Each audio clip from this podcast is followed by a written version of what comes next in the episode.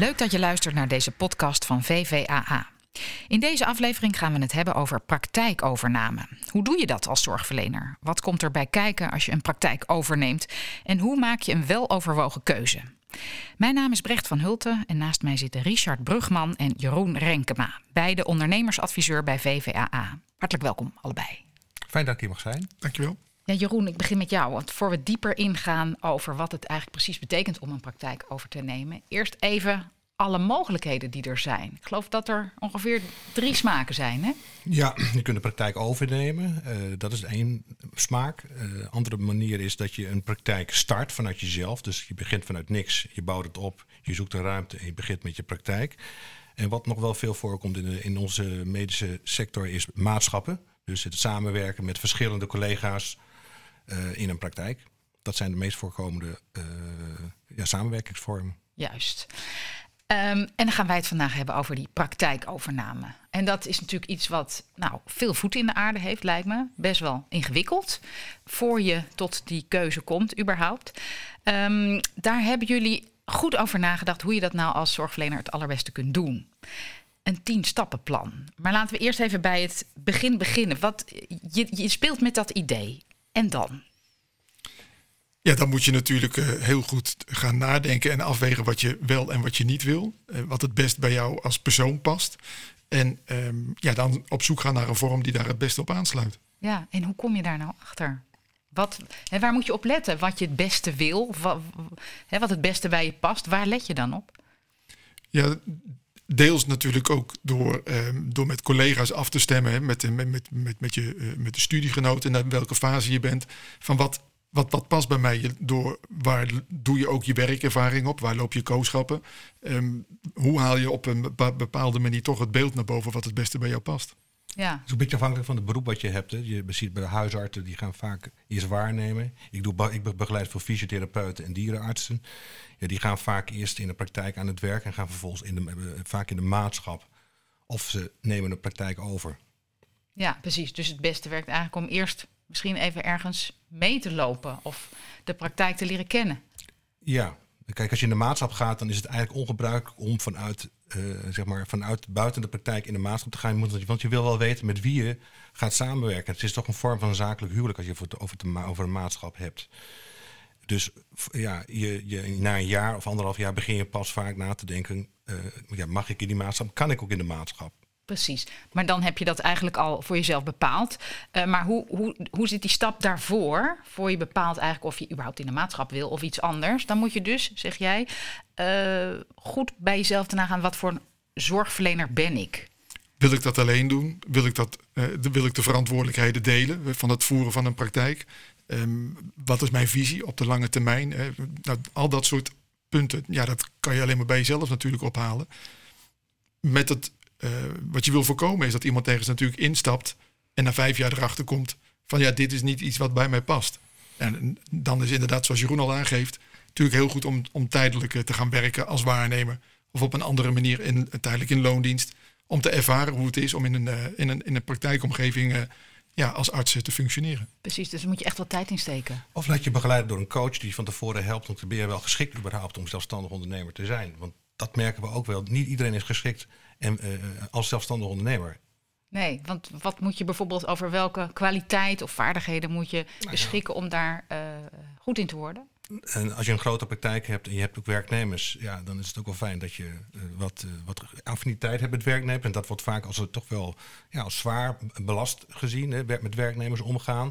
Kun je goed samenwerken? Heb je, ben je goed in acquireren? Nou ja, dat soort zaken. Ja, en financiën misschien? Zeker. Ja. En dat is niet de sterkste punt over het algemeen van zorgverleners. Dus daar kunnen wij ook een goede rol in, uh, in betekenen. Ja. ja, want dat is wel vaak. Je zou denken, oké, okay, ik moet een praktijk overnemen. Dan gaan we het hebben. Wat betekent het juridisch, financieel, uh, noem maar op, administratief. Maar dat is eigenlijk niet hoe jullie de mensen adviseren, hè? Nou, je, je wordt natuurlijk opgeleid als arts. En uh, daar wordt maar beperkt aandacht besteed aan het, uh, aan het runnen van de onderneming of de ondernemer in jezelf, zoals Jeroen ook al aangeeft. Dus daar moet je wel, vind ik, over bij, even bij stilstaan of je dat, uh, of je dat ook in je hebt. Ehm, of hoe je dat verder kan ontwikkelen. Dus dat is denk ik wel heel belangrijk om dat even goed te benoemen. Ja, belangrijk. En dat soort dingen kun je dus met een adviseur doen, maar ook bijvoorbeeld ook door met vrienden te praten. Van hoe zie jij mij eigenlijk? Wat zijn mijn sterke kanten en zou het bij mij passen? En dan gaan we over uh, tot, hè, we zijn inmiddels denk ik bij dat je uh, daarachter bent. En dan besluit, oké, ik ga een praktijk overnemen. En dan? Nou, dan valt deze stilte. Uh, dat is natuurlijk altijd een hele grote stap. Hoe kom je daarbij? Het verschilt natuurlijk ook best wel per beroepsgroep. Ik zit vooral voor huisartsen om tafel. En dan is het inderdaad gebruikt dat je eerst een tijd waarneemt. En dan uiteindelijk de, de mogelijkheid uh, afweegt om een stap te zetten tot of toe te treden tot de maatschap of een praktijk alleen over te nemen. En ik denk het, het grootste gedeelte zal zijn onderdeel worden van een maatschap, van een samenwerkingsverband. En dan komen natuurlijk ook allerlei elementen voorbij van ja, pas je in dat team? Uh, hoe, is de patiëntenpopulatie? Hoe is het personeel? Want daar word je dan ja, werkgever van. Dan is het denk ik ook heel goed om eerst een tijd te werken in zo'n praktijk. Om dat allemaal te ervaren en vanuit daar uh, je, je goede afwegingen te maken. Ja, ik zie jou ook knikken. Dat klopt. Uh, met name als je een praktijk overneemt, uh, waarbij je dus van buiten zegt: ik ga die praktijk overnemen, of ik vanuit loondienst kan ik de praktijk overnemen, is het ook van belang. Ja, afhankelijk van de beroepsgroep. Maar in veel praktijken wordt nog goodwill bijvoorbeeld betaald. Nou, dan moet je ook gaan onderhandelen en de, de waarde gaan bepalen en dat soort zaken met elkaar gaan bespreken. Ja. Maar die zachte kant vind ik, daar, daar hamer ik ook altijd op. Dat je het goed gevoel hebt en dat je ook geschikt bent en dat je het leuk vindt. Dat is wel heel erg belangrijk. En we zijn nog wel eens geneigd om heel snel de cijfers in te gaan. Maar dat is eigenlijk stap twee. En hoe vind je dan een praktijk? Want dit is eigenlijk alweer een stap verder. Hè? Want je, je moet eerst gaan oriënteren. Ga je gewoon kijken, oké, welke praktijk is het dichtst bij, bij, bij waar ik woon? Hè, moet je zo pragmatisch zijn? Of hoe vind je nou een praktijk die ja. bij je past?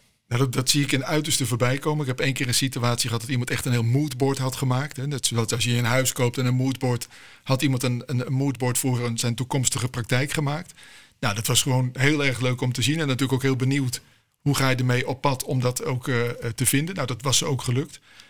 Um, dat was meer de uitzondering. Ik denk dat de meesten uh, toch op een gegeven moment in een werkkring blijven hangen. Uh, veel waarnemen, op veel verschillende praktijken komen en ergens dan de mogelijkheid uh, wordt geboden om erbij te komen of om een praktijk over te nemen. Um, de situatie op dit moment is wel zo dat de markt wat meer is voor degene die iets willen overnemen. Er is dus meer aanbod dan dat er uh, uh, mensen zijn die, die, die een praktijk willen overnemen. Dus ja, ook dat marktmechanisme werkt wel een beetje mee in dit soort situaties. Ja, precies. Maar je moet je dus echt heel goed oriënteren. Niet zomaar als een kip zonder kop denken, oké, deze is bij mij om de hoek, dit is wel praktisch. En Want dan loop je dus tegen de lamp. Het moet een praktijk zijn die je leuk vindt om, te, om over te nemen. En die, of die nou op, als die op de hoek zit, maar het is eigenlijk een praktijk die helemaal niet bij je past. Omdat hij een bepaalde uh, patiëntengroep benadert die je eigenlijk niet helemaal niet wil. Ja, dan zou ik hem niet overnemen. Ja. Dus zoek. En ik, wij hebben, veel, wij hebben een, een groot netwerk, dus wij, wij weten ook vaak wat, wat er in de markt wel aangeboden wordt. En er zijn er verschillende websites voor waar je dat kunt zien. En uh, als je dan een praktijk gevonden hebt die bij past, uh, dan zou je het liefst, nou hebben jullie een paar keer gezegd, hè, meelopen. Dan leer je zo'n praktijk ook kennen, ook de patiëntenpopulatie. Maar als dat nou niet kan? Dat moet. Ik, ik vind eigenlijk wel dat het gewoon echt moet. Je, als je iets wil overnemen, um, een, een, hele enkele keer zoiets meegemaakt dat iemand zegt van ja, ik kan het bij 1 januari overnemen. Ik heb er nog nooit gewerkt, maar ik ga het wel doen. Ja, dat vind ik heel ongebruikelijk. Daar zijn de stappen te groot voor. Uh, je neemt personeel over, je neemt allerlei andere contractuele zaken over. Je moet echt daar gewerkt hebben om er uh, een indruk te hebben van het, nou, wat Jeroen ook aan, van de patiënten, van het personeel. Ja, als dat geen match is, dan moet je het gewoon niet doen. Nee, dan kan je nog terug. Dan kan je nog terug, ja. Oké. Okay. Um, nou, je zit in die stap. Uh, je, bent, je hebt de praktijk gevonden waarvan je denkt, dit zou wel eens wat kunnen worden. Je gaat daar meelopen. En dan besluit je, uh, dit, dit gaat hem worden. En dan? Dan komt er natuurlijk enorm veel op je af als het gaat om administratie en alle dingen die je moet regelen, of niet? Ik zie je lachen. Ja, natuurlijk is dat natuurlijk het, eerste wat in je opkomt. Hè. Het, is, het is natuurlijk nieuw. Alles wat vreemd is en nieuw is, is natuurlijk uh, spannend. Uh, uiteraard veel administratie. Daar kunnen wij heel goed bij helpen. om daar een heleboel dingen bij uit handen te nemen. Um, maar want noem eens een voorbeeld. Waar, waar moet je dan bijvoorbeeld allemaal aan denken? Ja, het begint al gewoon bij de inschrijving van de Kamer van Koophandel. Uh, voor huisartsen natuurlijk je AGB-registratie aanpassen, factuscodes regelen. Dan loop je tegen instanties aan. Nou, dat is een aparte podcast. Um, dat is, daar, daar moet je even de tijd je, voor nemen, zeg maar. Precies. En de regelgeving. Ja, en, en daar zie je ook dat de, dat de senior praktijkhouder die stopt en dat overdraagt. die heeft er natuurlijk ook de moeite mee. Dus het is altijd goed om ook dat in een goede balans te houden. Van, de senior zal dat zien als iets, een enorme berg. Terwijl de junior die komt, ja, daar is het gewoon nieuw en de eerste keer voor. En iedereen krijgt het onder de knie uiteindelijk. Alleen je bent er ook weer niet voor opgeleid. Je hebt, doet het één keer in je, uh, in je, dem, je neemt maar één keer een praktijk over. Dus ja, dat is elke keer weer opnieuw vreemd. Nou, dat zijn natuurlijk trajecten waar wij veelvuldig voorbij komen en ook bij kunnen helpen. Maar er, er komt heel veel regelwerk natuurlijk aan. Ja, personeel neem je over. Dus personeelsdossier moet je doorlopen. Nou, het hele financiële stuk. Wat levert het op? Onderaan de streep. Wij zijn natuurlijk behoorlijk financieel ingestoken, Jeroen en ik. Dus we zorgen natuurlijk altijd wel, we willen ook wel naar de cijfers kijken. Ja, ja. dus dat is eigenlijk bijna niet uh, in je eentje te doen. Je, moet, je hebt daar ondersteuning bij nodig. Of zeg je nou, de echte mensen met een ondernemershart, die kunnen dit helemaal prima zelf? Nee, nou, dat zijn uitzonderingen. Ja, ja, ik denk dat. Ik ken ze niet, of bijna niet. Uh, je, je, hebt, je moet kennis hebben van juridische dingen, je moet financieel in, uh, inzicht hebben.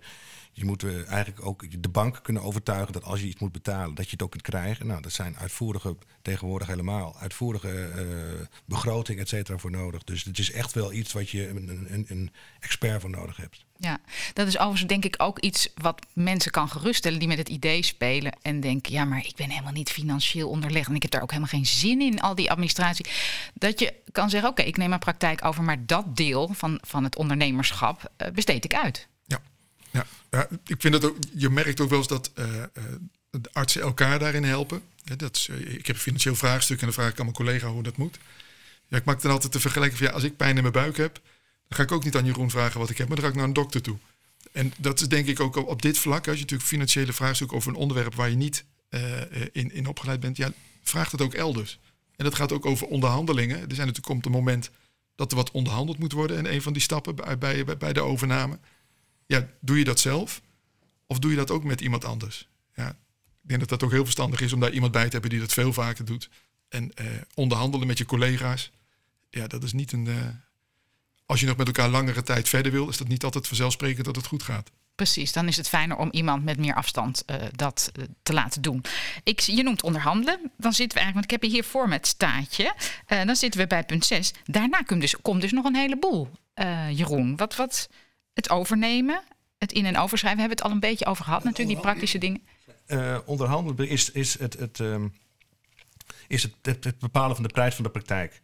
En als, als, het, als je uit de, de, financiële onderhandeling bent, dan moet het ook vastgelegd gaan worden. En dan leg je vast in, in contracten. Wat is de overnamesom? Wat zijn de ontbindende voorwaarden? Gaan de zorgverzekeraars ook akkoord hè, dat ik die praktijk overneem? Hoe zit het met de contracten van de werknemers? Uh, zijn er zieke werknemers? Nou, al dat soort zaken, dat leggen wij allemaal vast. En, uh, en dat heeft ook de bank weer nodig om uiteindelijk uh, de financiering kunnen te, verstrekken. Want die wil gewoon zien dat, dat er overeenstemming is bereikt en dat die afspraken zijn vastgelegd. Dat wat betreft het praktisch echt overnemen. Um, ik, ik, kijk even stiekem naar de volgende stap. In en overschrijven, dat is eigenlijk wat we net hebben besproken. Hè? Dan krijg je al die administratieve rompslomp, zeg maar. En dan het communiceren met de patiënt.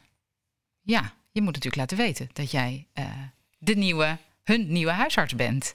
Ja, en er zit vaak ook natuurlijk die stap voor dat de senior die stopt. Want dat is natuurlijk het is altijd het stokje bij uh, wordt overgedragen. dat die natuurlijk afscheid neemt van zijn. Dus het is afscheid en de introductie. Dat zijn de trajecten die natuurlijk in elkaar overlopen. Um, ja, dat is denk ik heel belangrijk om dat op een goede manier te doen. Dat het zo soepel mogelijk gaat. En natuurlijk als de harmonie goed blijft, dat het ook een, op die manier een soepelige overdracht kan zijn, waarbij de patiënten. Maar alles moet natuurlijk geïnformeerd worden. En de patiënt is daar een belangrijke groep in. Um, maar er zijn... Alles, alles. aan wie denk je nog meer? Nou, Andere zorgverleners natuurlijk precies, met wie je samenwerkt. Ja, de, de, de, de zorgverzekeraar, eh, de andere contractspartijen waarmee te maken, collega's in die directe omgeving, eh, inderdaad de verwijzers. Ehm, er zijn dus een heleboel partijen die ja, kennis worden gesteld van het afscheid en de, en de komst van de, van, van de nieuwe dokter. Het is ook een beetje afhankelijk van, is het de maatschap? Als je in de maatschap gaat, dan is het een bestaande praktijk. Dan voeg je, kom je erbij en dan hoeft er minder geïnformeerd te worden dan als je de ene praktijk verkoopt aan de nieuwe uh, overnamekandidaat. Want dan heb je veel meer informatie en, en uh, verstrekking aan je patiënten en aan je verwijzer, et cetera. Precies, moet je daar wat meer tijd voor uitruimen. En ja, jullie hebben heel leuk als stap 10, het zal niet toevallig zijn voor zorgverleners, afhechten. Um, maar wat bedoel je daarmee? Afhechten, Jeroen? Ja, afhechten is dat je, als je vanuit een loningssituatie komt en je gaat een praktijk overnemen, dat je op een nette manier afscheid neemt van je oude werkgever. En uh, dat zie ik, dat versta ik onder afhechten. Dat je eigenlijk een streep zet onder je vorige baan en alles wat erbij hoort. En verder gaat met je nieuwe uitdaging van de praktijkovername. Ja, en waarom is dat belangrijk? Ja, de, de, het is een relatief kleine wereld. Dus ja, het is denk ik altijd heel verstandig om op een goede manier uit elkaar te gaan en op een correcte manier door te gaan. Ook als patiënten aan je uh, gebonden zijn of een bepaalde binding met je voelen, dat je dat op een correcte manier ook doet met je vorige werkkring, dat je daar iemand daar wel op een goede manier overdraagt. Of in goed, heel goed overleg meeneemt naar een nieuwe werkkring. Maar dat laatste, ja, dit, is meestal een, een, streep onder een, onder een oude periode. Ja, um, het is heel helder. Als je dat stappenplan volgt van jullie, dan nou, een beetje, beetje wordt duidelijk wat je moet doen en hoe, hoe jouw pad gaat worden. Maar ik krijg wel de indruk dat je daar echt veel tijd voor moet uh, uittrekken. Dat is echt een heel lang proces, toch? Ja, of wat, wat is in de praktijk, wat komen jullie tegen? Nou, je bent, je bent een half jaar ben je zo bezig en soms nog langer. Het is een beetje afhankelijk hoe, hoe gaan de onderhandelingen. Kom je snel uit de prijzen met elkaar? Zitten, er nog uh, lijken in de kast? Uh, dus uh, ook de, de financieringstrajecten zijn tegenwoordig lang. Dus je, je moet echt de tijd nemen om zo'n overname goed voor te bereiden. En ook de tijd te nemen dat je al die stappen ook kunt in rust kunt nemen. En er ook goed over na kunt denken wat je allemaal doet met, en met wie je dat doet. Ja, je zegt lijken in de kast. Ja. Dan denk ik, waar, waar moet ik aan denken? Wat kan je tegenkomen? Contracten die niet goed. Eh, kijk, eh, in de fysiotherapie zijn arbeidscontracten erg belangrijk. Ja, bij elke praktijk, maar wel met name in de fysiotherapie is er in het verleden gewoon veel misgegaan. Dus contracten, als die niet goed zijn. Ik heb nu, nu toevallig een praktijk overname. Daar, daar zijn contracten nou. De tranen biggelen over je wang als je ze ziet. Dus die moeten allemaal eerst opnieuw uh, uh, gemaakt worden. voordat ik die kopers adviseer. En dan, dan gaan we pas overnemen. Ja. Jullie hebben heel veel genoemd en er komt dus heel veel op je af. Ehm, en dan zou ik denken, oh jee, moet je daar wel aan beginnen? Maar jullie zijn daar juist heel uh, optimistisch over, hè? Ja, kijk, je hoort wel eens van ehm, dat er gezegd wordt van dat je in, uh, als waarnemer heel veel vrijheid hebt. Um, maar ik vind eigenlijk dat je als praktijkhouder veel meer vrijheid hebt. Dat is het moment dat je natuurlijk zelf kan beslissen en de dingen kan inregelen hoe jij het het, het leukste vindt. Als je zegt, ik wil een bepaald team van personeel ontwikkelen. Daar wil ik in investeren. Dat wil ik tot bloei laten komen. En dat lukt je en dat kan je, want het is allemaal hoe je het zelf wil. Dan is het natuurlijk hartstikke mooi om te doen. Als je plannen hebt om huisvesting aan te passen, hoe moeilijk het onderwerp op dit moment ook is. Maar als het wel gerealiseerd wordt, is het natuurlijk ook super mooi. Als dit je eigen idee is wat je uh, tot, uitvoer, tot uitvoering ziet komen. Dus ik denk dat je vooral op, op lange termijn eh, moet kijken en denken van ja, de vele mogelijkheden die het in zich heeft.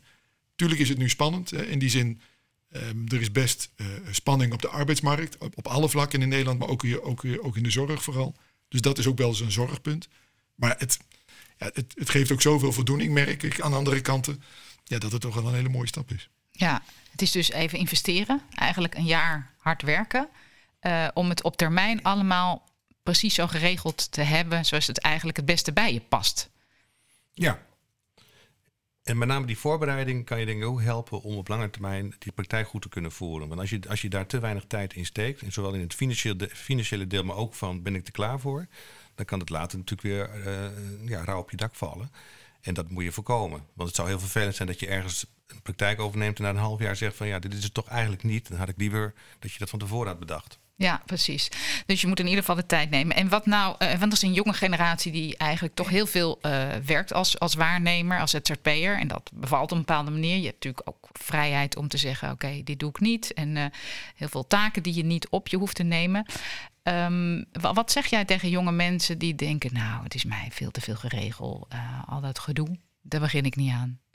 Wat is je advies? Of nou, praat eens met de praktijkhouder die er wel lol in heeft. En eh, kijk, je kunt natuurlijk alles vanuit het negatieve bekijken. Maar je kunt ook zeggen, wat geeft mij een kans om de praktijk zo te vormen zoals ik hem graag wil. En geef de kans aan de mensen die daar werken. En dan heb je een, een prachtige eh, uitdaging voor een langer termijn.